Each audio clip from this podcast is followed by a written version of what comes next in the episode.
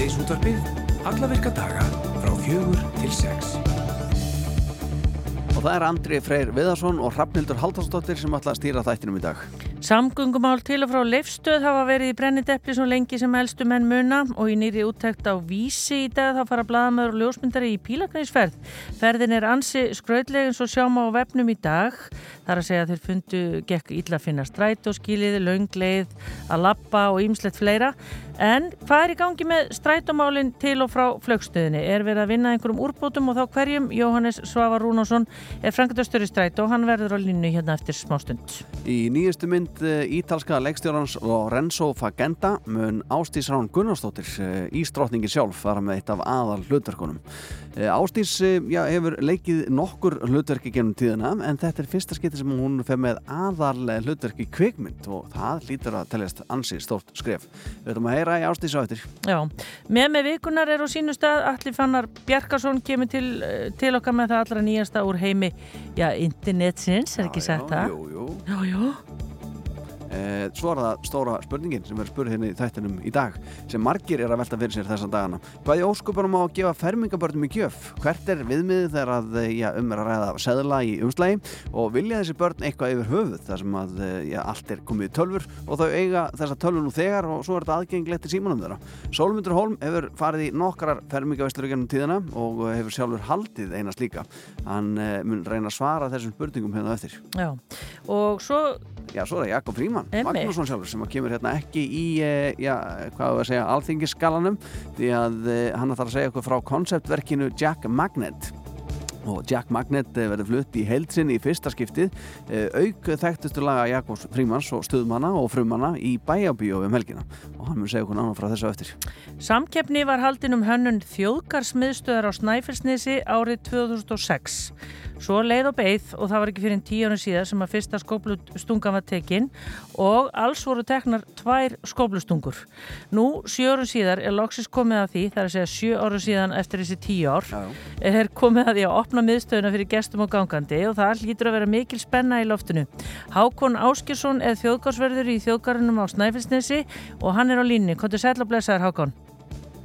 Já, sæluri. Já, við Já, við náttúrulega förum að sjálfsög íslensku leiðina í þessu og hérna erum að, að klára allt núna, daginn áður, Já. en það verður allt klárt á morgun, já. já, og hvað er svona sem er eftir í okkur maður þekkir þetta sjálfur svona maður er einhvern veginn búin að, sko, bjóða í innflugnsparti og þá er ekki búið að setja gólistana eru þeir eftir? Góðlistarnir er komnir, Já. en við erum að núna í þessu tölu orðum að setja upp síninguna, Já. sem er svona fyrirsýning, en hún verður komin upp fyrir morgun daginn og svo við bara elda matinn og, og svo leiðis, þá ætti allt að vera klárt. Já, eigum við aðeins að rifja upp þessa sögu, það er sem sagt hérna ákveðið, að það er, það er hérna samkeppni um hönnun 2006 og af hverju tók þetta svona langan tíma einhvern veginn, þessi fæð, það kom náttúrulega hrun, er það ekki? Jú, allir það sé ekki svona ein megin ástæðan fyrir því. En hérna þegar ég, já, ég starfa hérna sem sumarlandur 2006 og á fimm ára ammali þjókasins þá var hérna uh, velunar samkefni og Arkís uh, hérna uh, vann kefnina og, og hannaði húsið. Og svo hérna leið og beði náttúrulega og það kom hrun og þá var allt sett á ís eins og margt annað í þjófélaginu en svo var það aftur 2016 og þá var tekið skóplustunga af nýri þjókasmiðstöð en, en þá leið og beið.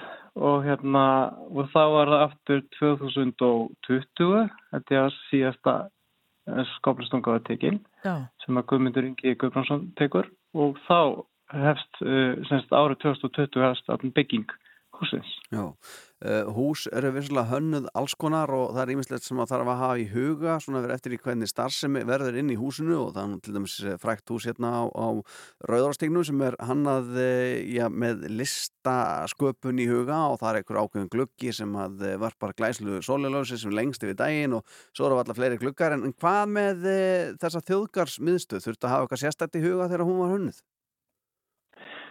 Já, það er náttúrulega þurft að huga bara umhverjum stölum og hún er öll uh, byggð sakvæmt brjám stölum, þannig að hún er umhverjum svottuð og allan hátt og svo verður rekstur húsins uh, þannig líka og fyllt náttúrulega grænum skrefum.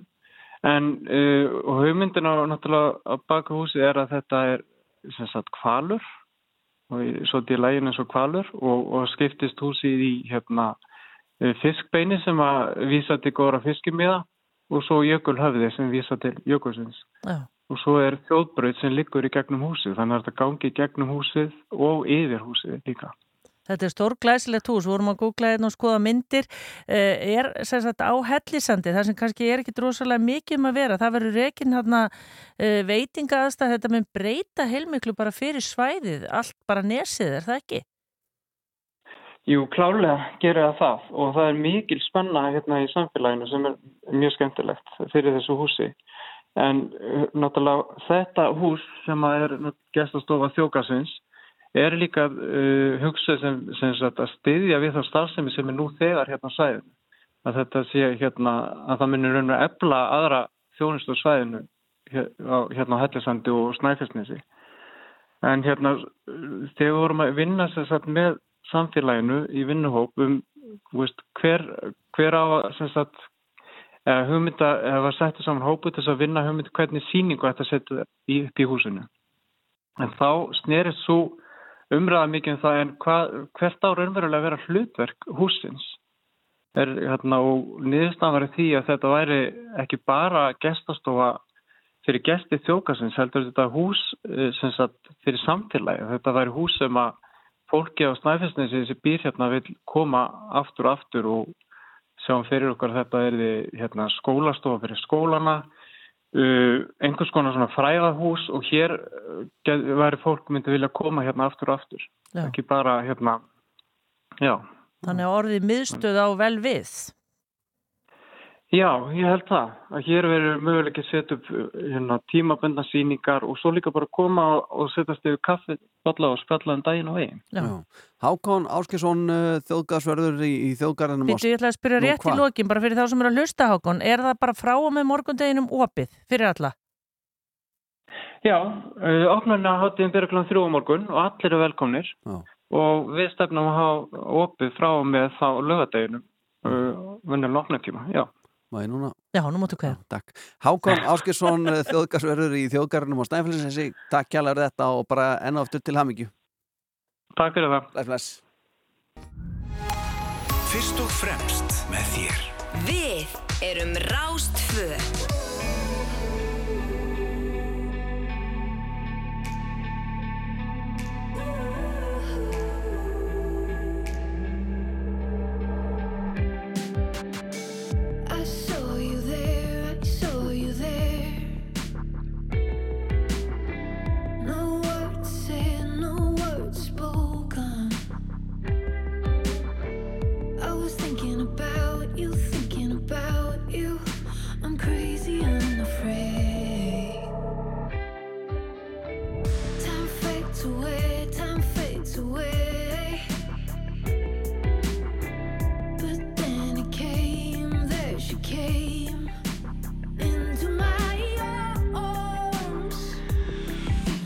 turning back from now.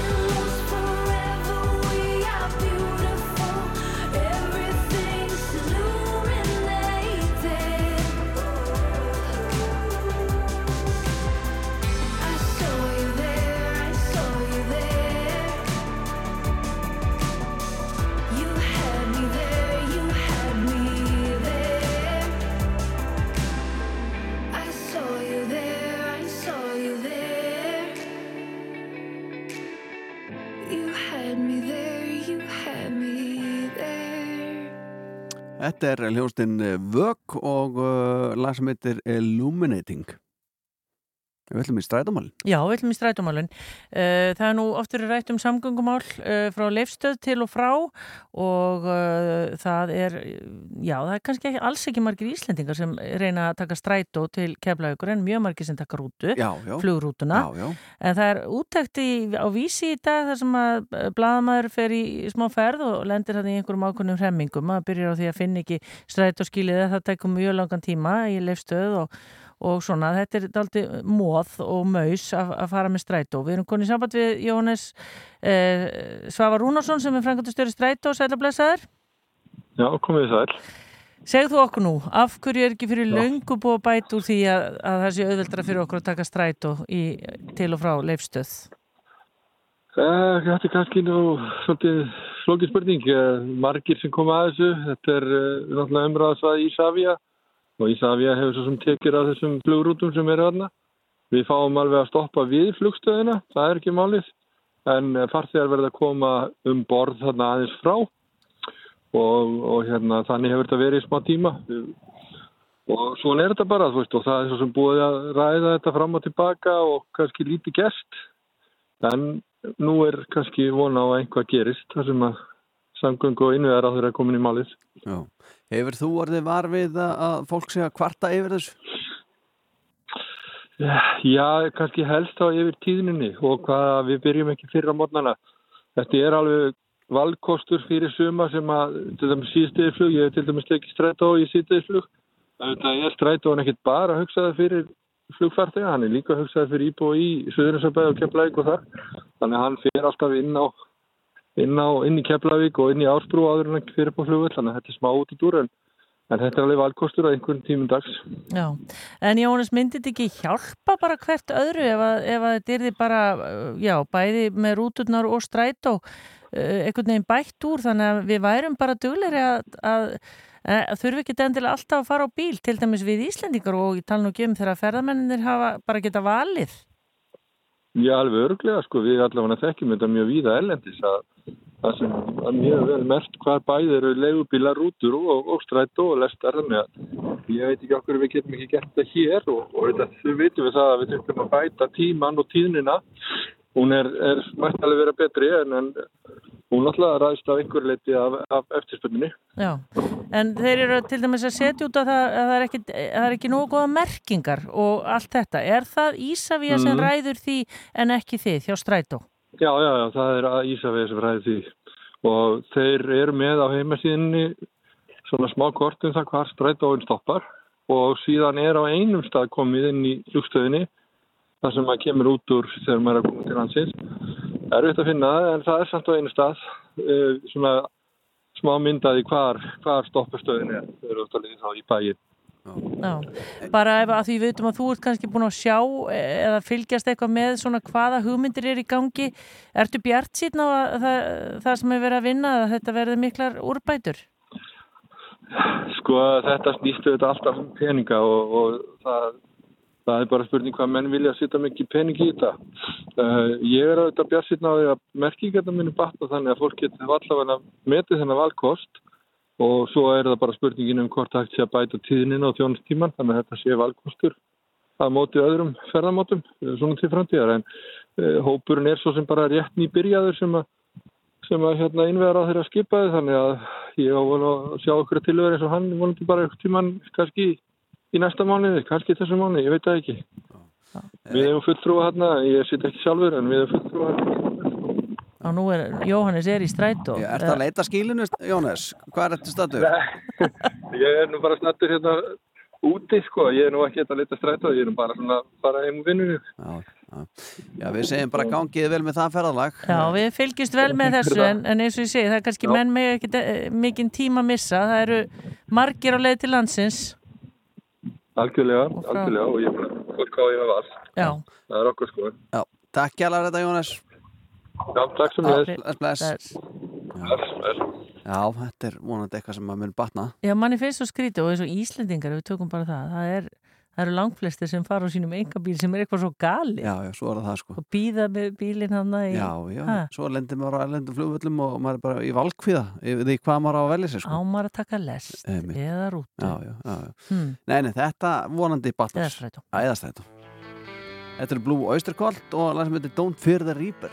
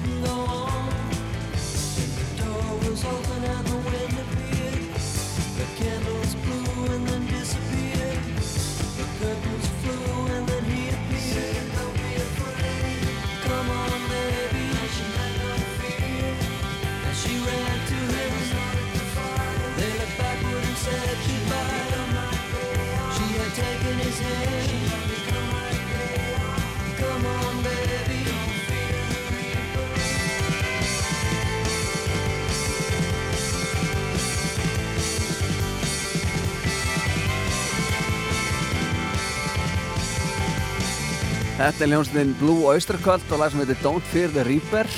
Ekki uppáðslag hjá mér, fyrir ekki auðvandri skulle ég segja þetta. Allt er góð, ég tekur svo ekki persónulega, þetta er bara lag. En ég þarf að að stofna stuð, stuðningshóp Já. með mér til að, Er ekki tíðnin að ronda á tíðnin? Er hún ekki ennþá laus? Getur ekki tekið yfir hana og raðið inn einhverja góður músík? já, nei, nei, þetta er allt í leitt og eitt já, lag. já, láttu Ég fekk svona vöðabólgu. Já, um mitt, það lítur að vera gott. Eh, Sólmundur Hólm er mættur, hann ætlar að fara hérna yfir það með okkur eftir hvað í óskupunum á að gefa krökkum í fermingagjafir þessa dagana. Eigum við ekki bara að slá þessu upp í salat? Lokal. Salat hefur aldrei verið svona gott. Þú ert að hlusta Á síðdeis útvarpið á Rás 2. Það er komið að veðrinu. Það er stór dagur í dag, við vorum að tala hérna um uh, leifstöð áðan og uh, það er nú skemmtilegt að segja frá því hrandur að það má nú segja að leifstöð í ammali í dag.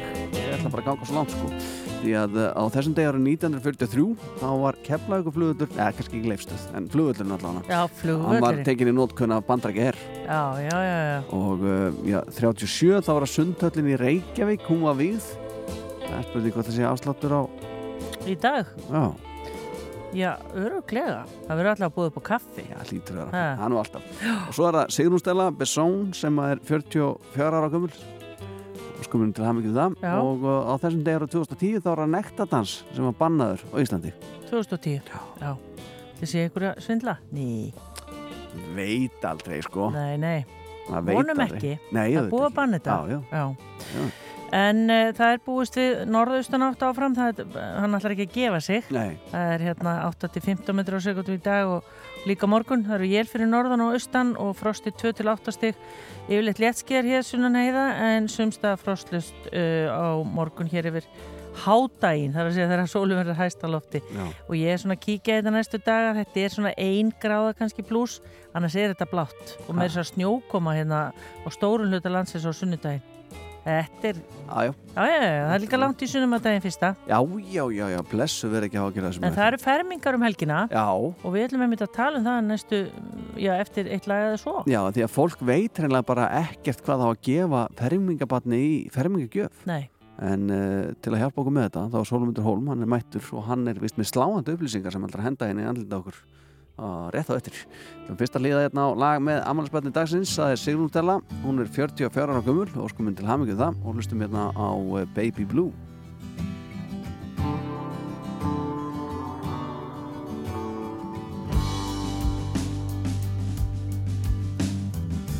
Baby blue, you have no clue. My dreams are still about you. Building castles in the sand flowers wrapped around you.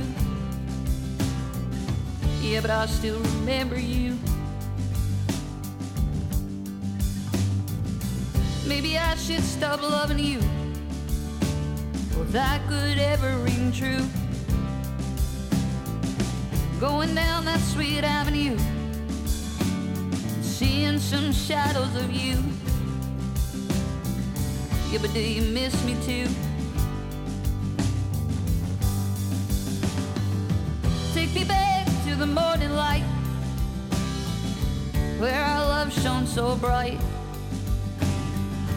Where the story brings me back to you, where I can still hold you. Or I could even make love to you. I still remember your crazy jacket, surrounded by polka dots too. Playing records, they were all dancing. Yeah, but they were all jealous of you. Yeah, but you were with me too. Take me back to the morning light Where our love shone so bright Where the story brings me back to you Where I can still hold you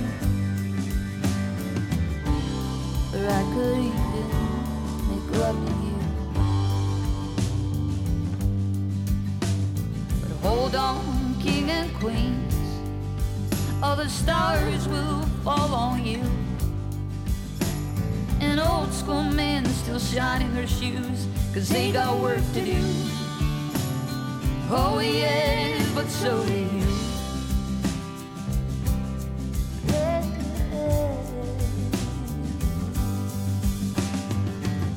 Me back to the morning light where our love shone so bright. Where the story brings me back to you, where I can still hold you. Where I could even make love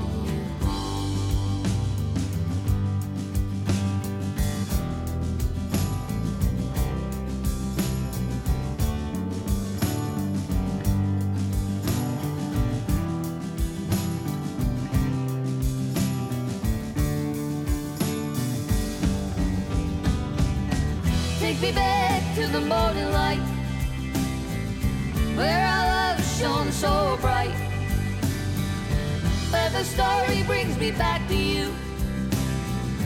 Where I can still hold you. Where I could even make love to you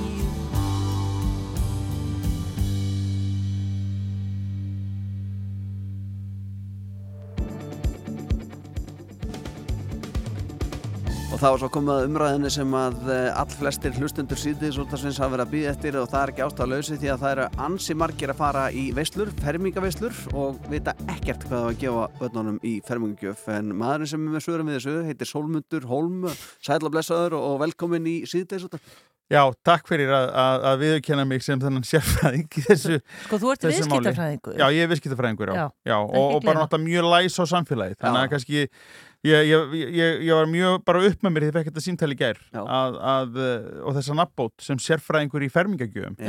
Og þetta auðvitað vakti mig til umhugsunar um, uh, um uh, hvaða er sem maður á að gefa krökkum. Og einfalda svarið er náttúrulega bara peningur. Mhm. og, og ég held að, að, að það, það hafi ekkit breyst þú veist, það er Uh, en, og ég held að ég hafi það svolítið þróunin verið í þá áttina að, að fólk eiginlega voga sér ekki að gefa fermingabarni pakka í dag Nei, það er bara mjög sjálfgeft Já. að einhver gerir það nema það sé það bara amma eða og afi, amma og afi eða bara foreldrar eitthvað sem er bara virkilega vita að þetta langar í eða vantar já, já. það, þetta er orðið bara þannig, þetta er bara ekkit nema umslög sko. Þú veist, Já. pakkaborðið er bara, er bara ein skál Það er bara Umslögum. óþart pakkaborðið í dag eða?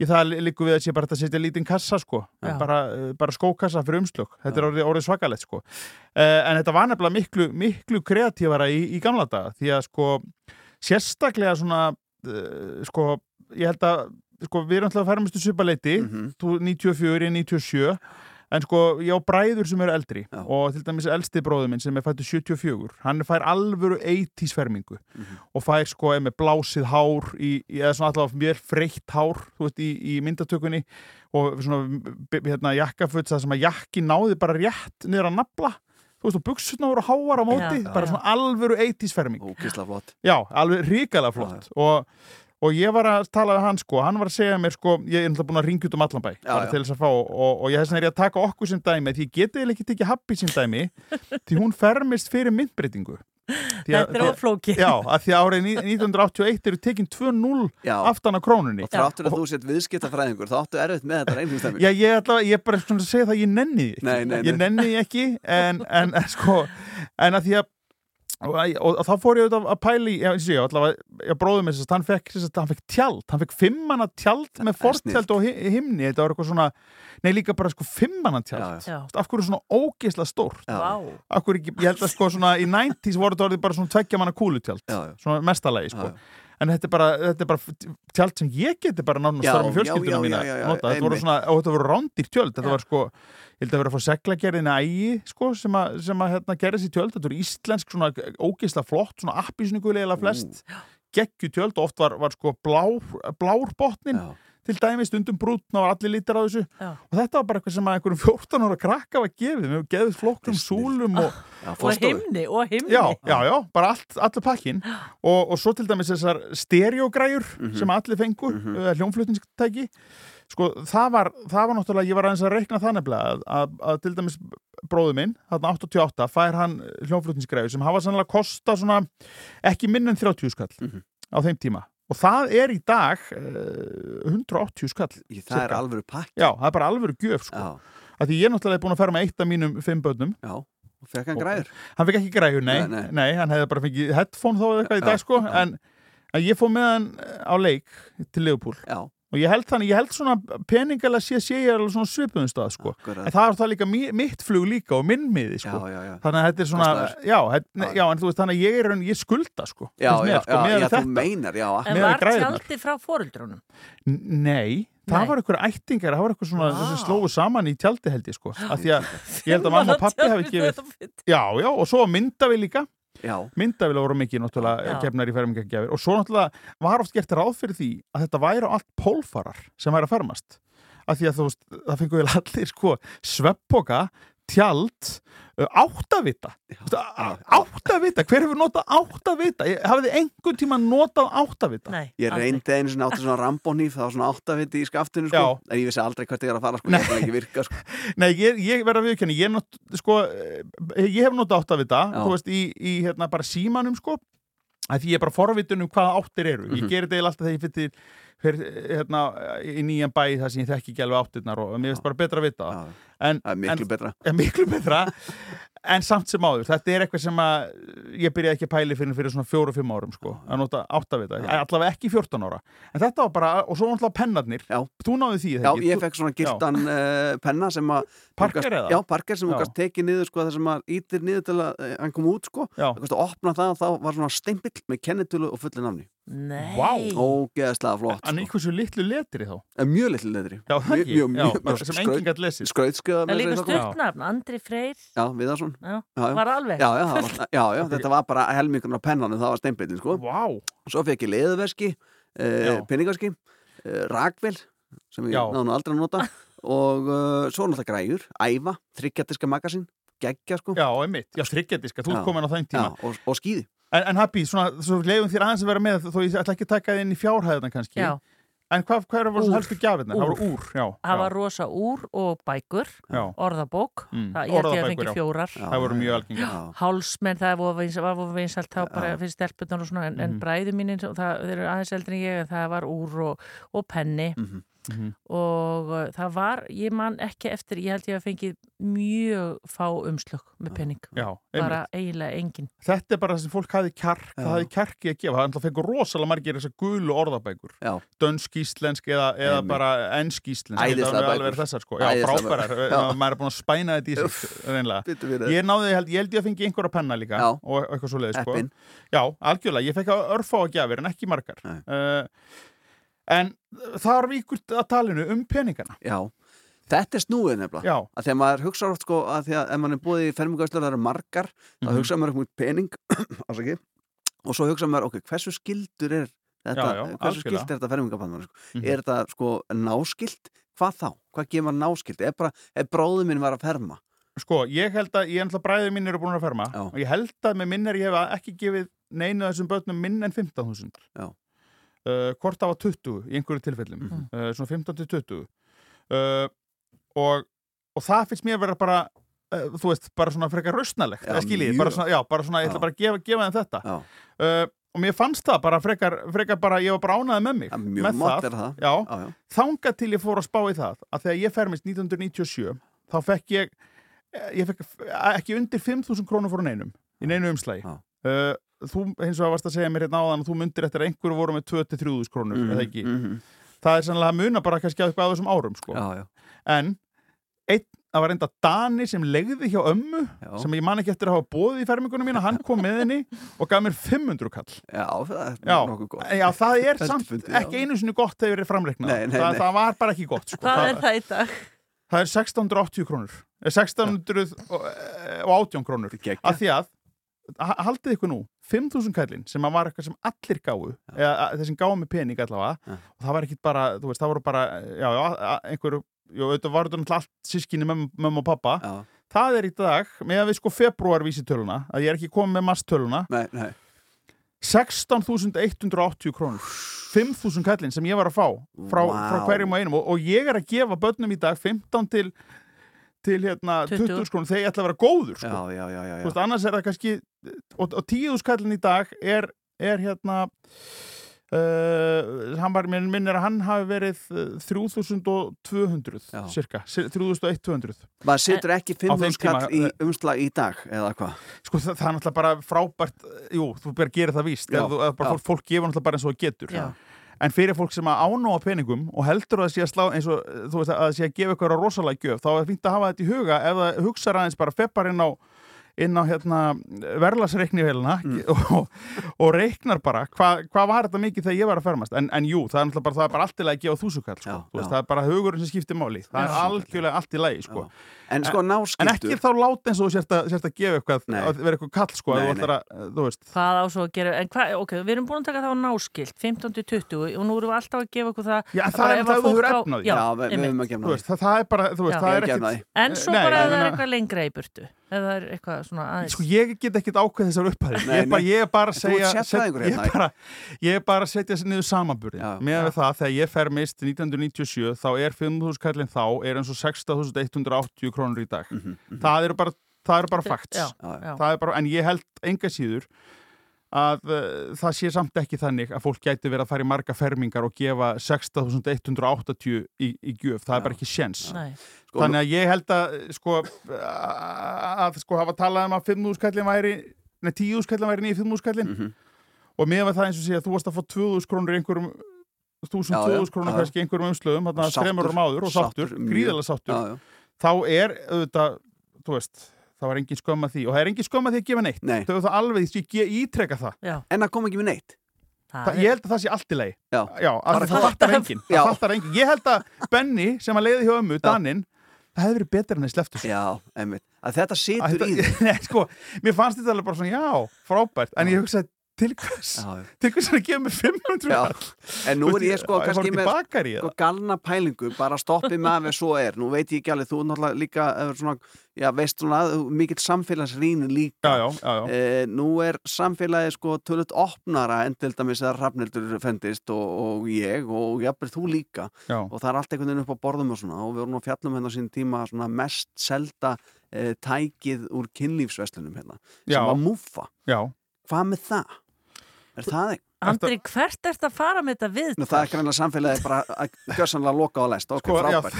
Það, það er bara svo Þú ert að tala um það kannski að gefa litla frændaðinum muffu. Já. Nei, ég er ekki að tala um það, ég er bara að spyrjast en, fyrir. Nei, sko, já, sko ég myndi ekki gera það Nei. Nei, ég held að ég myndi ekki Ekki ég, ég, aldrei nokkuð tíman, ég hef ekki eins og nefna á sko 15 árskallinum sko. Þetta er dýriverkfæri sko. Eh, Já, þau eru, eru dýr, já, Já. ég, ég þekki það svo sem Nei, nei, heldur, nei, ekki ég heldur, Nei. gem, gemmir það Já, já Nei, ég held að, að það, þú vilt ekki vera Nei. frændir sem gaf fermingabarninu kynlífstæki. Nei, nei, nei, nei, Ég held að það sé ekki. Freka 500 Ég er að spyrja fyrir samfélagið. Já, ég held bara bænum. kæra samfélag. Já, já. Við skulum bara láta einhvern er annan alveg- um það það að gefa, alveg- að gefa á- fermingabönnum kynlífstæki. Það er alveg af og frá, af og frá. Ég held það, svona einhver, einhver, einhver svona Það er er ekki tilbúið. Nei, að, að það er ekki, bara ekki tilbúið það Nei, nei, nei, Nei, nei, og ég held að sko mögulega getur þú kannski, ég held ekki kannski gera frændinu, mögulega getur þú eitthvað samtala Það er undan. mjög skrítið sko Já, það er samt skára, þá getur þú tekið samtala undan. Sko, Vissulega, hérna, vissulega þetta er múffan, þú Veistu hvað þrýfur hana þetta með þessum vökva, þú þrýfur hana með þessum já. og þú verður að passa þrýfana. Akkurat, Þá getur þú skammað svona, heyrðu, þú ert út ekki búin að þrýfa múffuna þína? Hvað leikt er þetta? Má segja múfuna Herðunur, jæja, og daginn ha. Ég ætla að koma með svona væmla spurningu í lokin Já. Varandi umslægið Já. já. Þú veist, allar að skrifa Sko, eitthvað til ég, ég er náttúrulega ekki, uh, sko, ég myndi nú alltaf, sko, hugsa frekar um að setja bara auka 500 kall, sko. Setja bara ódýrt umslag og henda Já. bara auka 500 kall, því að hver króna Já. telur fyrir, sko, ég alveg tala, Já, þessi já. krakkar, þeir vilja ekki nema peninga. Nei, það er En bara myndur ekki þannig. skrifa eitthvað fallegt? Skrifar ekki? Jú, jú, en ekki langt. Ég skrifa illa og, Já, og, já. og ég læt oftast Viktoríu skrifa. Notaðu, áttu svona steimpil eins og ég Ég þarf að fá mig stimpil. Já, Já, ég átti stimpil, hann var enda bara fyrirtækjunum já, mínu. já, Ég ok, bara, ok Að bara frá stimplað þannig, já. Já, akkurat Herra, Nei, þá þetta veitum við það Þetta er allavega, sko, eins og segi, það er bara frábært að fólk gefi eitthvað, fólk bara mætir og, og, heiðar, og heitna, heiðrar með Já, já, en ef, ef það vill vita, þá Já. getur það bara googlað hérna, bara hérna, bara, ég man ekki, bara ver, verðlagsþróun, já, þá kemur bara upp reiknivél Mhm. sem er, er, ef það vill svona miða við eitthvað, Já, veist, hvað var þetta þegar ég var að fermast, ég var að, ég held að pappi hans hafi gefið mér svona mikið, það skilur Já. cirka, þá, þá er fínt að vera að þessi meðvituð um það, en, en, en bara ég held samt að þó að ég held að mér hafi ekki þótt 5.000 skallin eins og 16 skall í dag ég held Nei. að það sé eitthvað skekkja í þessu sko, hvernig þú hugsa peninga Já. að þetta hef ekki verið það mikið sko. Þú veist, þetta hefur frekar bara, ég held að 5.000 skallin í, í hjartamanns er nær 10.000 skallinum en svo bara hvað þú fær fyrir hann, það er greinilega út frá þessu farðu minna Já. Sólmundur, þetta er uh, virkilega fræðandi og hefur hjálpað mörgum hann úti sem eru í þessum vandræðum akkurat núna. Hérna rétt eftir þá ætlum við að spjalla venna Ástísi Rán og Jakob Fríman, svo eitthvað síðan hún nefnt. Eh, Takk kjærlega fyrir komuna í af Já, og eitt að lokum, Já, hvað? bara svo er líka bara gaman eða það er byrjað á því aftur bara, gefið bara orðabækur, gefa bara tjald, gefa áttavita, bara sjáðu svipin á þessu krökkum. gefið úr. Já, úr. Já. Úr, Gerið það. úr, já, akkurat, fremst. Þetta er Rástvö Ey, kaldur gustur en ég tek honum með opnum örmum og einnig hugsunum um þig fyrringur kýtla mig. Því með þér þá verðst mér tunga milli tanna. En mér er alveg sama því að þetta er eitthvað annað. Ég vil læra nýja hlutum með þér drepa stundum með þér. Fá nýjan litið lífið leysa þrautum aftur berskuna rifjum upp dagana og skrifum sína sögum kemum tíma, tíma þarf ekki að eiga sér stað. Tíma, tíma þarf ekki að hugsa til svar. Tíma, tíma þarf ekki að eiga sér stað. Tíma, tíma þarf ekki að hugsa til svar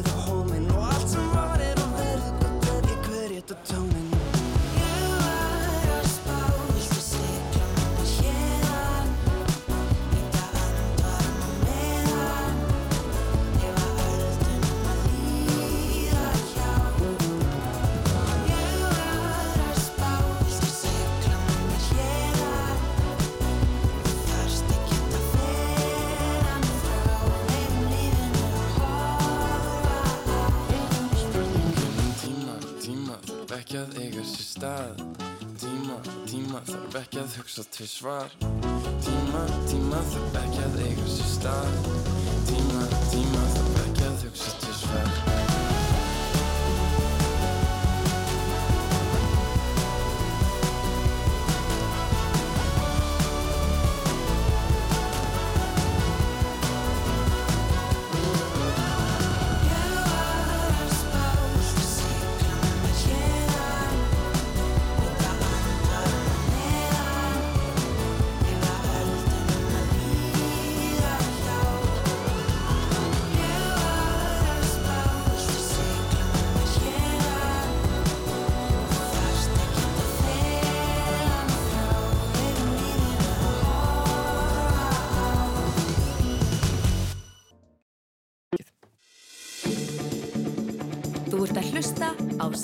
síðdeis útvarpið Á Rástvö Síðustu viku vorum við að tala við Jóhannes Haug sem var að segja eitthvað frá uh, hlutverki sem var að leika í Ítalíu og okkur finnst alltaf merkilegt að íslenski leikarar taka sér hlutverk á erlendir grundu og, við talum ekki um að það er stórum myndum eða þáttum eða eitthvað slíkt en svo er nú líka ekkert minna merkilegt að ef að fólk sem að er kannski ekki beint sko þekkt sem leikarar taka að sér hlutverk í erlendum myndum eða þáttaserjum og við erum með eh, já, eina slíka manneski á línunni sem að hefur verið alls konar í gennum tíðina. Hún hefur verið model, hún hefur verið í business, hún hefur verið engaþjálfari og ég veit ekki hvað og hvað og hvað. Og nú kvikmyndarleikuna. Já, nú kvikmyndarleikuna. Hún heitir Ástís Rán og Gunnarsdóttir og hún er á línunni. Sæla blessu Ástís. Sæl og blessaður. Er Þú þú... glimtir þarna þyrluflugmaðurinn á mig. Akkurat, og þyrluflumar, akkurat. Eh, Hvernig er þetta að gleyma því? Já, nákvæmlega. Ertu ekkert búin að ákveða hvað allar að verða þetta nú stór? Nei, ég er búin að vera, held ég, svona hálf lost allar mín æfi, sko. Ég veit aldrei hvað ég vil vera. Nei, en þetta er sem sagt mynd eftir ítalskan leikstjóra sem heitir Lorenzo Facenda. Við erum náttúrulega ekki svo vel að okkur hérna við andri. Veistu, þekkjuru verkin hans? Nei, ég þekki þennan heim alveg mjög lítið, sko. Ekki fyrir utan bara, ég var náttúrulega í hérna uh, stóri dokumentari sem var sínstöð tvöðum daginn sem var hérna Krypta Teen. Já, einmitt. En annars hef ég nú voða lítið verið að skipta mér af kvikmynda heiminum þannig sé sko. Nema, þú veist, ég náttúrulega leiki í árumótisköpunum mörgursinnum og, og þú veist, alls konar þessum íslensku þáttum og, og einhverjum erlendu bíómyndum í svona ekstra hlutverkum og eitthvað svo leis en þú veist, ég er ekki læri leikun þannig að ég hef svo sem aldrei verið að pæla í því neitt svona ráði. Getur þú sagt okkur aðeins frá hlutverkinu þínu í, í þessari mynd? Já, þetta hérna er svolítið skemmtilegt. Hérna ég er sagt, þetta er eh, international mynd sko sem verður sínd út um allan heim. En hérna ég er sem sagt hjákona auðugsmanns og hérna ég er sagt plotta það að láta drepa konans. Þannig að ég ná í auðæfin hans. Já. Vá, Og hann, hérna, já, og þú veist, það er svona alls konar flettir í þessu. Þú veist, á sama tíma er hann búin að ráða eitthvað til að láta drepa mig, þannig að þetta er, Já, já, fallet samband. þetta er eitthvað mix. Já, akkurat. en, en á hvað tungumáli myndu leika? Ég tala bara ennsku, hún var tekin upp á ennsku. Já. já. Og já, okkur heyrist þetta að vera svolítið stór ölla í myndinni. Ertu með mikið að línum? Já, ég er með alveg ótrúlega mikið að línum. Ég er sem sagt bara eitt af aðhlutverkunum. Þannig að það eru fjórir aðleikarar og ég er sem sagt eina af þessum tveim stærstu. Já, og þetta er tekið upp í, í Búlgaríu á svona, já, hvað ég var að segja, þínum nánast heimaslóðum, þannig að þar þekkjur vel til. Já, já, akkurat. Þeir eru mjög stórir í kvikmyndabransanum, sko. Þeir eru að framlega eiginlega svona flesta kvikmyndir bara í heiminum fyrir þetta náttúrulega hérna Indland og okkur svoleiðis og Hollywood en þeir eru með alveg framlega svona flest allt fyrir Hollywood og það er svo hérna ódýrt að framlega þar. Já. Já. Eh, hvernig, eh, sko, nú er ekki langt í að tökur hefjist og, og uh, já, þú er nú bara á leiðin út hvaða hverju til Búlgaríu til að takast á við þetta hlutverk í þessari mynd. Eh, Hvernig er tilfinningin innra með þér? Ertu stressuð? Ég svona eiginlega er ekkert, þú veist, alveg búin að fatta þetta. Þetta er bara svona, þú veist, ég var ekkert að reyna að sækja staktin einu svona og ég var ekkert að búast við þessu. Þetta var bara, ég fekk bara e-mail og, þú veist, fyrst held ég að þetta var eitthvað djók, sko. Mm. Svo hérna, þess að var þetta bara, þetta hlutverk og ég er bara svona, why not? Ég, meina, ég er nú búin að reyna ímislegt, ég hlýti ekki að leika eins og allir aðrir. Já, uh, að því við erum nú með á línni Ástís Rán, þá ertu líka, er það ekki komið með hlaðvarp sem að nýtur mikill að vinsalda? Já, emmitt, krasandi konur, það er á Spotify og YouTube. Já, og hvað, hérna fyrir þá sem ekki hafa hlustað, eh, er, hvert er umfjöllunar, umfjöllunar efnið? Krassandi konur?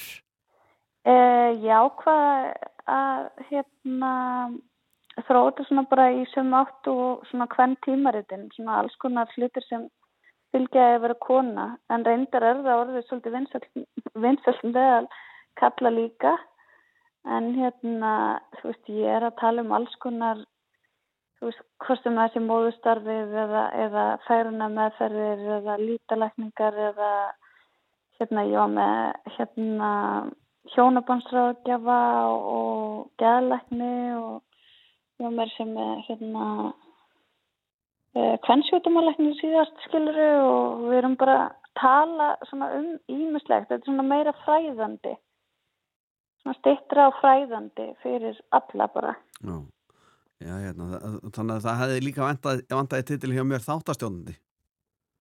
Já, ég hef nú verið þáttastjórnandi oft, ég Já, hef búin að já. gera marga, marga sjóstætti á minni æfi og hérna Já. samlega áleika í því, sko.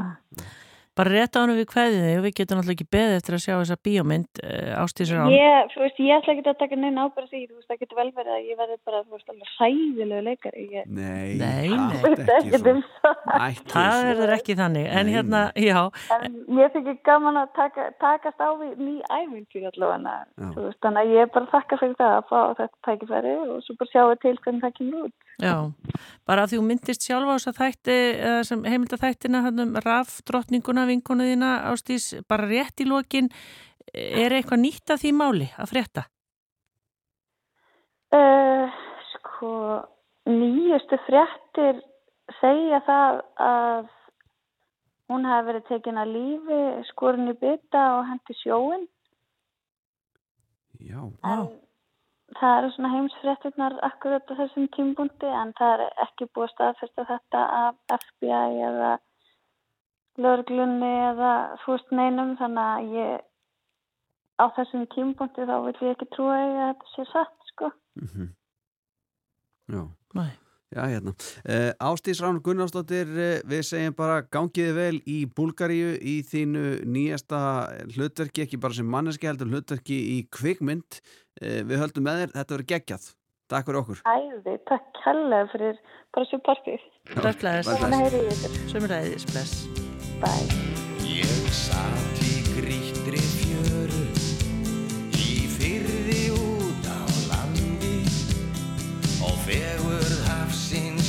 hvíslaði rekja mín er blá. Ég sá kollu ungan tukta sinn og tóu spór í sandi. Og ég talaði við múkkana sem svífuð þarna hjá. Í fjöllum skuggar byrtust og byrtu tók að Bráðum kemur nóttin með sitt huldu fólk og tröll. Í bergi fugglinn liggur Þar lætur súlan sig falla. Á leiftur hraði hafsins djúb frá Svart hvítri höll Og þá heyrði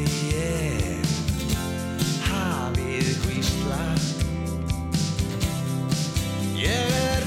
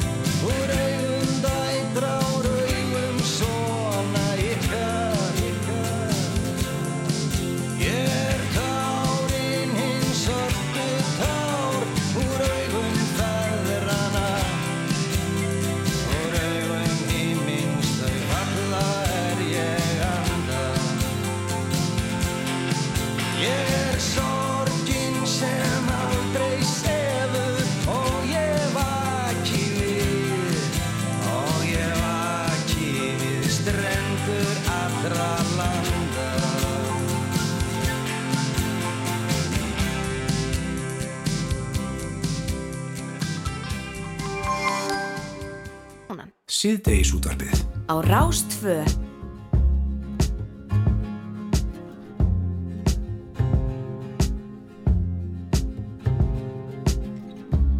I'll be honest. I'll be honest for you. Yeah, yeah. Yeah.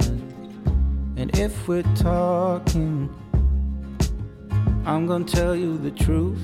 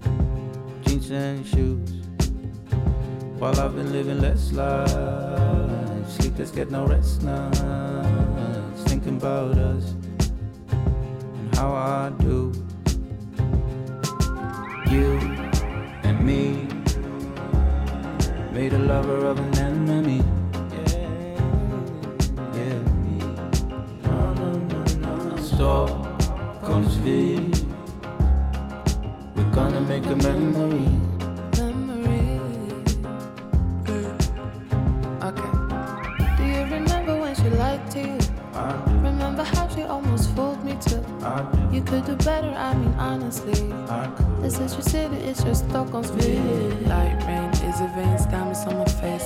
I don't wanna say I'm not okay. You say you wanna go, I wanna stay. Baby, it's okay. Yeah, I'm okay by myself. You and me made a lover of an enemy. Yeah. No, no, no, no. Stop, V. We're gonna make a memory.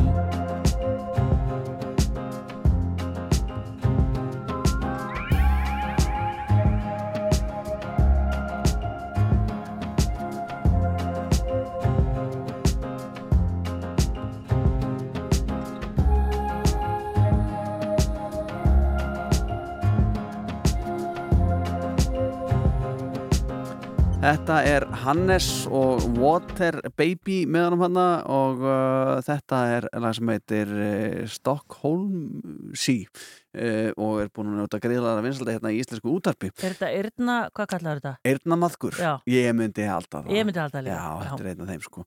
Og talandum meistara Eirnamaðksins þá er Jakob Fríman Magnússon á línunni. Sæll og blessaður. Komið blessuðu sæl. Er að reyndu mig Jakob. Það er engin, mat, er engin matkur í misunni hérna megin, sko, Nei, það sé, svo það verður engin nei. eirna matkar eru mér að skapi, sannarlega. Já. E, Og Jakob, eirna ormar. já. Þú ert uh, við stífar æfingar í þessum töluð orðum. Það er uh, kvöldæfing, já, á hérna fyrir tónlistarveslu helgarinnar í bæjabjöfi, það er rétt. Og hvaða veistu er verið að fara að bjóða upp á núna? Þetta er nú, getur við sagt, uh, önnur veistlan í svona tónleikaröð sem að Páll Eyjálsson, uh, við skulum segja, bæjar bíóstjóri Hafnafyrði stendur fyrir. Það var Horti Róðan, var settar á svið og móti takast þyrna vel og sami hópur er að setja upp núna Jack Magnet verkið í heilsinni sem að hefur ekki verið flutt áður og það er svona öllu meira krefjandi í, í að læra og tilenga sér heldur en hitt þannig að það verður að fara eins yfir þetta svona rétt fyrir tónleika. Mm. en svo koma stöðmenn og breyta stemningunni uh, úr já þá, þá verður meiri svona við skulum segja bara svona já meira, meira ball. Já, Já, ég var að... það er sitjandi fyrir hlje og, og svo bara stuð og, og kunnuleg lög eftir hlje og það er nú eitthvað kunnulegt að þessu líka reyndar já. Já, ég var að lesa hérna, Jakob, um Jack Magnet og ég vissi allavega ekki þessa sögur, glá margir. Hún fjallar um harmonikuleikara frá Arnastapa á Snæfellsnesi. Jú, það er maður sem að fer hann skellir sér á uh, harmonikum mót sem að leiði til þess að hann svona er, er að uppgöta leinda hæfileika til þess að laða sér málum kenda hluti og eitthvað fleira og það er æfintýrið sem að svona, við skulum segja, konsepti byggir á, ég hef alltaf verið með einhver konsept svona og, og það er sem sé síðan alltaf að frumsýna brotur mynd sem að fjallar um svona raunverulegan e, yfirskilvirlegan kraftverkumann sem að getur gert allt það sem að Jack Magnet átt að geta gert og meira til. Mhm. Þannig að það er svona, við erum að, að vika þess út þetta koncept sem heitir tónleikar. Þannig að þetta er hansi fjölmennur hópur og, og fara með þetta svona, fara inn í nýja menningar heima. Það er svona Amerika Scope 1 listform, alveg sérstaklega, sem heitir blues af honum bebopið spratt og yfirlega fleira og rockið og allt þetta sko og ég bjóð þarna á, á þessum áru þegar ég var að gera þessa blötu og það er svona, hún er amerísk í grunninn dafti svona með íslensku hugviti í bland og, og svo eru textar hérna sem að spegla svona hennar ímsu myndir, sviðsmyndir eins og í týrka kallaður núna.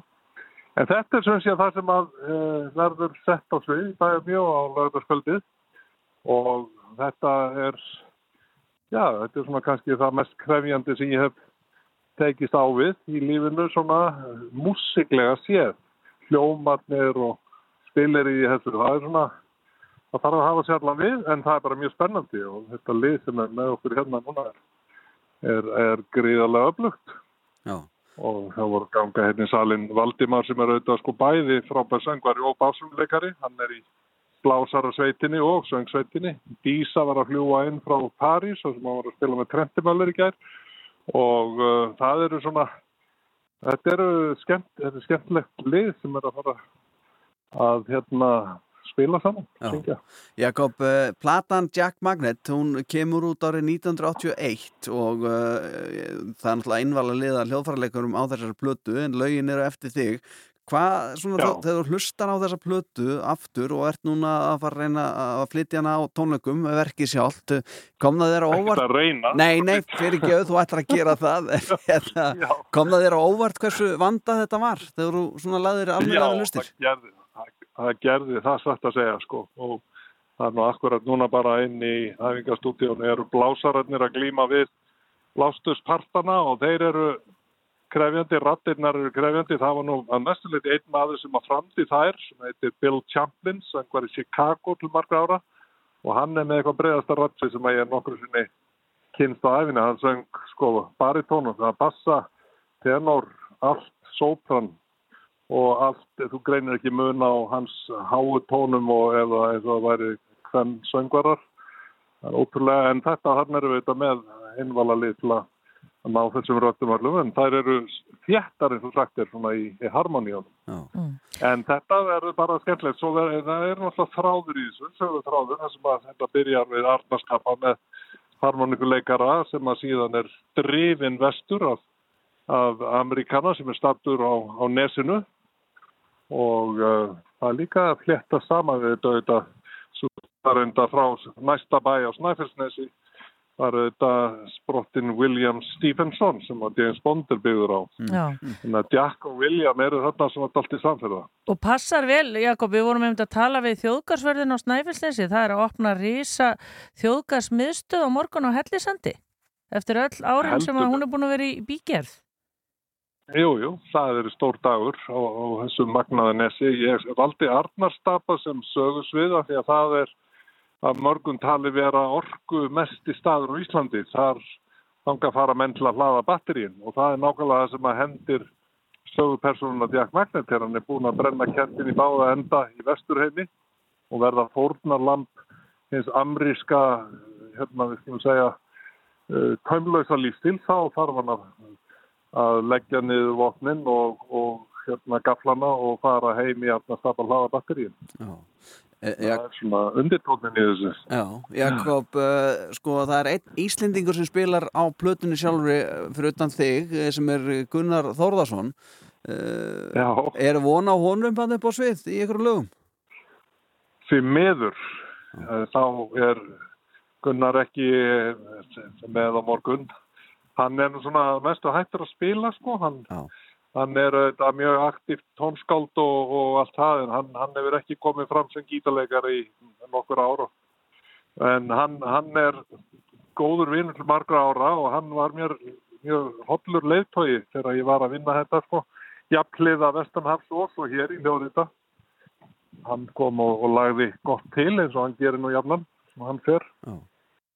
Þannig að uh, við kunnum honum bestu þakkir. Ég hitt hann nú bara í síðustu vik og gott, gott af honum að frétta fannst mér og, og þeim. En, en, en nei, þetta er í rauninni samanliði og var. Þetta er, þetta er svona, sagt, landslið músikanta sem allar að klára þetta með stæl. Já, já.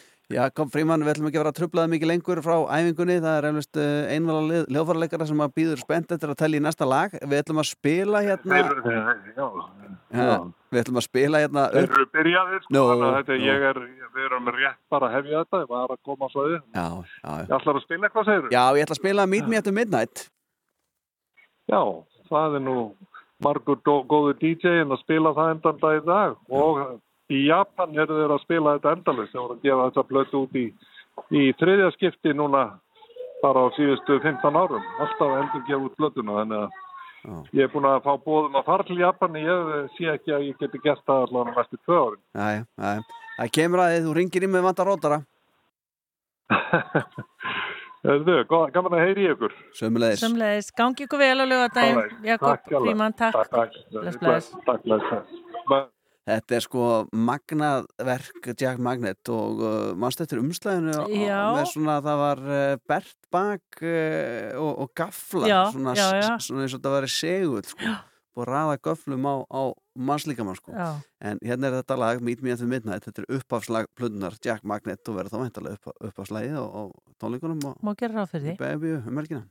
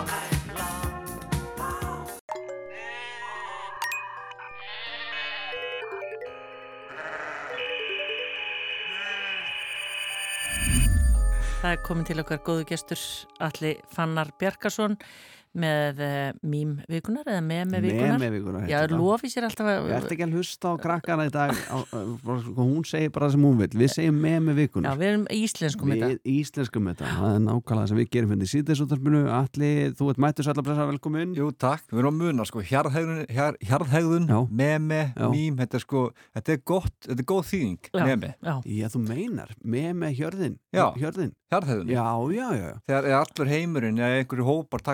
já. meme.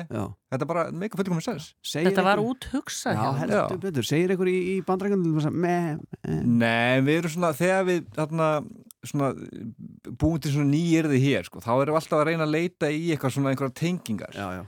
og það- þess vegna er til mörg svona skemmtileg nýjirði og það kannski tengist í þessi að tala um í dag. Nú, hva? Eða hlusta kannski á eitt brot sem að kannski allir nokkrum hugar angri á sunnudaginn á ettunni Það komið að því Íþrótta efni ásins Það er geitin sjálf, Jón Arnór, stöð 2 sport Hættist á sluti Geit, hver er geit? Hver er geit? Já. Jón Arnór, er hann geitin? Það er stór spurning og hann að Nei, þetta er sem sagt, uh, þarna var hún að tala um að Jón Arnór væri geitin sem er dreigið frá, frá, frá hennu enska GOAT og er stafsetning að vera the greatest of all time. Ah. og, og, og hann er bestur allra, allra tíma og hann er auðvitað, auðvitað besti, eða einn svo besti korfbóltamæður sem við höfum átt hérna á Íslandi. En hann er geitin Já. hann er GOAT, greatest of all time. Og þetta hann, hann svona var hann tilkynntur á ettunni og það eflust einhverju svona, svona klóra sér í höfðun og ég fór að hugsa því að ég sá þetta mér var svo merkilega þegar sko, svona orð og hugtök verða svona með mig sko. Þegar einhver svona og alveg alþjóðleg þegar bara einhvern veginn, það er eitthvað svona eitthvað verður til eitthvað staðar og svo er þetta bara notað um allan heim, svo er svo gaman þetta kemur til Íslands Já. og við, við fórum, fórum að nota geitin sem er alveg bara pínu skemmtilegt sko. Það er flott Já, Já. að vera bara vera geitin Þú veist, þó að, þó að stafsinningin virki ekki hjá okkur og, og þannig sko, þá getur við vel að nota þetta En samt geti það verið svona eitthvað pínu eins og niðurlegandi, eitthvað geitin Já, sérstaklega þetta heyrði fyrir skipti. Svo, þú, varst, þú, þú klóraði þér í Ég var að, höfðinu já, ég er náttúrulega bara meðaldra húsmaður Já, hérna. af hverju er hann að kalla hann geit Já. Svo góð saga þessu er sko að hann líka þegar hann var leikarinn hann Jonah Hill Já. var að leika hvort það var með hann einhverju svona legendary gam, gamalli leikonu í bíómynd, hvort það var bara Meryl Streep eða eitthvað. Og hún var í viðtali um myndina og þá var að spyrja hvernig var að vinna með Jonah Hill? Og hann og þá var hann að segja sko, eða, já, þá var hann að segja að þau alltaf verið eh, saman á settinu og, og, og hann var alltaf að kalla hann að geitina. Og the goat, the goat. Og hún, hún skildi aldrei, hún alveg I guess I'm an old goat En er Hann til að eitthvað- upphefja hana Já, þarna. já. Er til eitthvað svona sem er akkurat öfugt? Ef eitthvað er svona vestur í ykkur á öllum tíma þá kvöldur hann ekki geit. Mér Mm. datt í hug Colgate. Af því að sko gera allt kolvitast einmitt að vera Colgate. Já. það er nokkuð góð, við getum gáð hvort að þetta festist. Já. Krakkar verið svolítið með okkur í dag endilega en að festa þetta en sko, um, mér langar líka að segja eins frá því sko, hvernig þetta var til en þess að sko, goat, veist, þetta er svona þetta, er, þetta, þetta sprettur ekki úr tóminu Nei, nei, nei. og auðvitað eins og margt annað þegar verða til svona hugtök og þá er þetta rappið sem kemur þessu svolítið á kortið Mhm. þannig að það er sko að rapparinn LL Cool J hann, hann svona segir svolítið eiga þetta hann gáð plötu árið 2 sem G-O-A-T, Goat Ah, já, já. og, og það er samt einmitt 2000, það er 23 þrjú ár síðan svolítið langt síðan og hann svona hann svona vil meina hann þetta og fleiri rapparar hafa svona sagst vera geitin. Þú veist vera Goat, Jay-Z, Lil Kim, Young Thug. Að fólk hefur gripið þetta á lofti. En þetta er ennþá eldra. Nú. og þetta er ekki einu svona það fræg manneskja einhvern veginn sem, að- sem að á þetta. Við erum að kalla, við kallum Lionel Messi geitina. Uh, þarna Simone Biles, þarna fimmleika drottning, hún er geitin. Já, já, Rafnildur Haldarsdóttir í útvarpinu hún er geitin. já. nákvæmlega.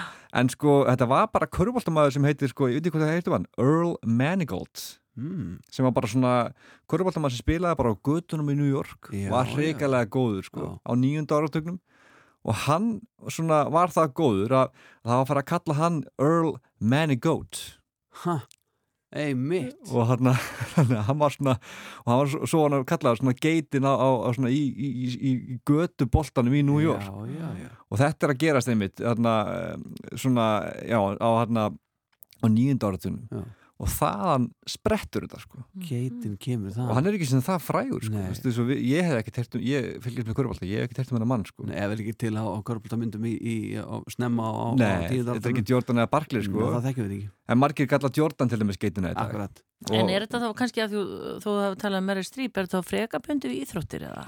Þetta er svona, nær svolítið svona flugi þar að vera geitin, ég meit, í einhverju íþróttagrein það, það er held ég að sprettur þetta svo er farið að færa þetta á allt annað og þetta, er, um, þetta verður af svona með mér sko. það var orðið, einmitt, eins og við tölum um Hrafnir Halldórs, út af skeitin og, hana, og við tölum um bara alls konar geitur í öll, öllum, öllum kreðsum sko. og þetta er orðið alveg bara þannig að, að þetta er nánast komið bara inn í einhvern veginn tungumáli sko. og nú eru við líka svolítið að- að að vera til þess að ennþá fleiri munu, munu fara að kalla hvort þannig geitur. Nota geitina og Colgate, ekki glemma því Verður svolítið með okkur enda að nota Colgate-ina. Einmitt, einmitt. gera, sko. Það Já, er allt, í allt veit hann allir. Ótrúlegt, Ha? ótrúlegur. En það er hann, uh, já, síðan með hann dagsklið hérna sem heitir með með aukuna sem er gríðalega fræðandi öll aukuna Sér fara einhver þáttanins eh, Akkurat í þessum málum. Þannig að við þurfum ekki að hugsa að þetta hafi verið niðurlegandi á sunnudaginn þegar Alls ekki, Jón Arnór. Þetta var upphafning. Já, já, já. Og, og ég hvet líka bara eldri kynsluðan til að fara að nota þetta. Já. Þú veist, þú ert að segja eitthvað kannski við, við, við, við hvort annað, já, þú ert nú upp að skeitin hérna á heimilinu, Já. langbest í því, eitthvað svona sko. Snild, þetta er snild. Uh, Gate eða Colgate þér áðið uh, hvort að ég við ekki. Allir vann að berga svona takk kjærlega fyrir komuna í sítaran og uh, njóttu dagsins. Takk fyrir mig